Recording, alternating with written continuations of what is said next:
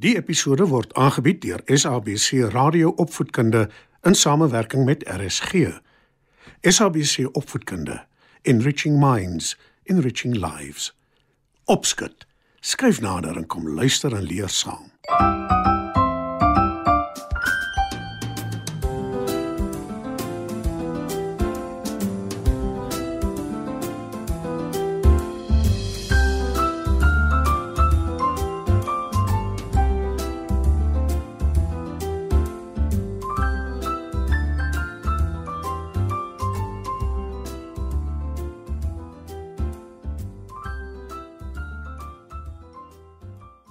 Goeienaand maats, welkom by Opskud.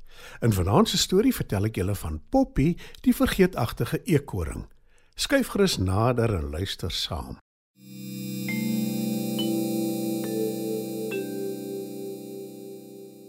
Poppy is 'n deftige eekoring. Wanneer sy uitgaan, sorg sy dat sy altyd op haar beste lyk. Vandag is sy op pad mark toe om te gaan kos koop. Daar is heerlike vars produkte op die mark en sy wil graag vroeg daar wees sodat sy kan kies en keur want vanaand kry sy 'n gas en sy wil graag vir hom die beste kos voorsit. Sy was haar vinnig, glip 'n mooi rok aan, vat haar mandjie en gaan by haar voordeur uit. Toe draf sy so vinnig as wat sy kan mark toe. Daar aangekom, begin sy dadelik rondloer na die vars groente. Sy kies wortels en spinasie, sprietui en soetpatats en pak dit in haar mandjie. Sy is so besig dat sy nie dadelik agterkom dat die ander diere na haar kyk, vir mekaar fluister en giggel nie. Wat is dit met almal van môre? Wonder Poppy. Al haar groente is klaar gekoop en sy stap na 'n stalletjie toe met die mooiste serpe. By die stalletjie is daar 'n spieël sodat die kliënte kan kyk hoe hulle lyk met 'n serp om hulle nekke. Poppietjie se helder kleurige serp. Sy sit haar mandjie met groente neer en sy gaan staan voor die spieël. Maar toe sy haar weer kaatsing sien, sit sy die serp vinnig terug en draf weg. Sy is so skaam dat sy skoon van haar mandjie met groente vergeet.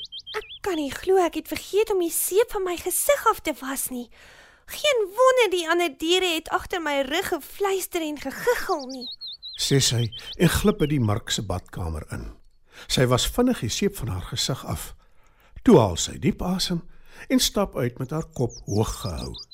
Ek Pieter vinnig by die huis kom en begin kos maak. Sê Poppy dapper terwyl sy hoor hoe die ander diere vir haar lag. Maar toe kom sy agter sy het nie haar mandjie met die groente by haar nie. Ag, tog. Ek moes dit by die stalletjie met serpe vergeet het, sê sy. Poppy loop terug na die stalletjie toe. Letitia Veldmuis wag haar in en sê: "Ek het gehoop jy kom terug vir jou mandjie, anders sou ek dit later vir jou na jou huis toe moes vat." Veldmuis gee vir Poppy haar mandjie en vra: "Wat van die serp wat jy net nou na gekyk het? Wil jy dit nog hê?" "Ja, gee maar, dankie," antwoord Poppy enige iets om so gou as moontlik hier weg te kom dink sy. Sy betaal vir die serp en Letitia sê: "Jy is so waar die vergeetagtigste eekoring wat ek nog ooit ontmoet het. Onthou jy die keer toe jy die ambulans gebel het in plaas van die elektriesien om na jou stoof te kom kyk? Jy het gesê dis dringend, 'n noodgeval. Wie ook al beskikbaar is, moet gou kom." En toe jy nie jou deur oopmaak toe die paramedisy klop nie, moes hulle dit afbreek. Hulle het gedink jy het flou geword en jy kan hulle nie hoor nie. Letitia lag te lekker en arme Poppy weet nie waar om haar kop in te druk nie. Maar die veldmeis is nog lank nie klaar nie en sê: "Wat van die keer toe jy nie jou huis se deur kon oopgesluit kry met jou sleutel nie?" Jy het nader aan die brandweer laat kom om dit oop te breek. En toe jy binnekom, herken jy nie die meubels nie. ja, dit was die verkeerde huis. Ek het 'n fout gemaak. Die vlakvark gesin wat daar gebly het, was baie kwaad vir my. Maar ek het darm vir hulle 'n nuwe deur laat aansit. Antwoord Poppy. Sy vat haar mandjie, groet Letitia en gaan huis toe. Sy maak seker sy is by die regte plek. Poppy sluit haar deur oop en gaan in. Sy pak haar mandjie groente uit. Toe sit sy die serp om haar nek en kyk in haar spieël. Nie sleg nie. sê sy. Poppy maak kos vir die aand se besoek, Darm een ding waarmee ek goed is. sê sy. Die aand toe haar goeie vriend Sarel skilpad kom kuier, vertel sy hom wat gebeur het. Ai tog, Poppy, miskien moet jy begin om lysies te maak, goed neer te skryf. Op die manier onthou jy dalk beter. sê Sarel. Poppy stem saam dat dit 'n goeie plan is. Sarel is die skoolhoof van die omgewing se skool en hy vra Poppy of sy die volgende week maandag die leerders sal kom toespreek in die saal. Waaroor moet ek praat? Wil Poppy verbaas weet, Jy het 'n interessante lewe. Vertel hulle daarvan. sê Sarel. Poppy is nie seker of dit 'n goeie idee is nie, Almal lag vir my omdat ek so vergeetagtig is. sê sy. Laat hulle lag. Jy het baie stories om te vertel. Hoeveel keer het ek al vir jou gesê jy moet 'n boek skryf daaroor? Antwoord Sarel. Poppy glimlag skaam en erken dat sy begin het met die boek. Dink jy dit sal 'n sukses wees? Wil sy by Sarel weet? Baie beslis. Antwoord Sarel. Jy kan die leerders daarvan vertel. Dit sal hulle aanmoedig om self ook stories te skryf, sê hy. Poppy stem in en sy's opgewonde oor haar praatjie by die skool.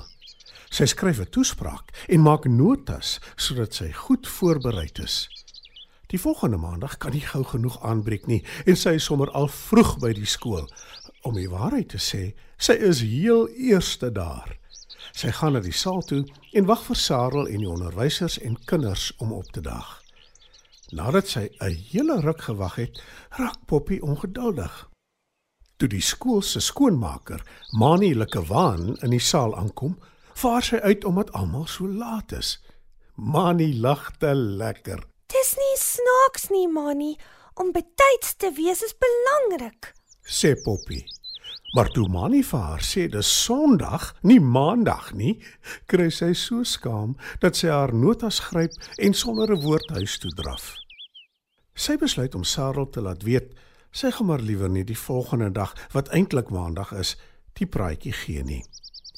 Maar na 'n ruk, toe sy kalmer is, besluit sy om tog die volgende dag met die leerders te gaan praat. En Maandag is Poppy in die saal op die verhoog voor die hele skool. Hulle kyk afwagtend na haar. Vandag wil ek julle vertel van een van die heel belangrikste dinge wat daar is. Begin Poppy praat. Toe vertel sy vir almal hoe sy die vorige dag, Sondag, opgedaag het vir haar praatjie. Almal lag, maar toe sê Poppy, Ek het al soveel keer gehoor ek is die vergeetagtigste eekoring wat daar is. Maar dit maak nie saak nie, want my lewe is beslis nie vervelig nie. Daar is altyd 'n storie om te vertel.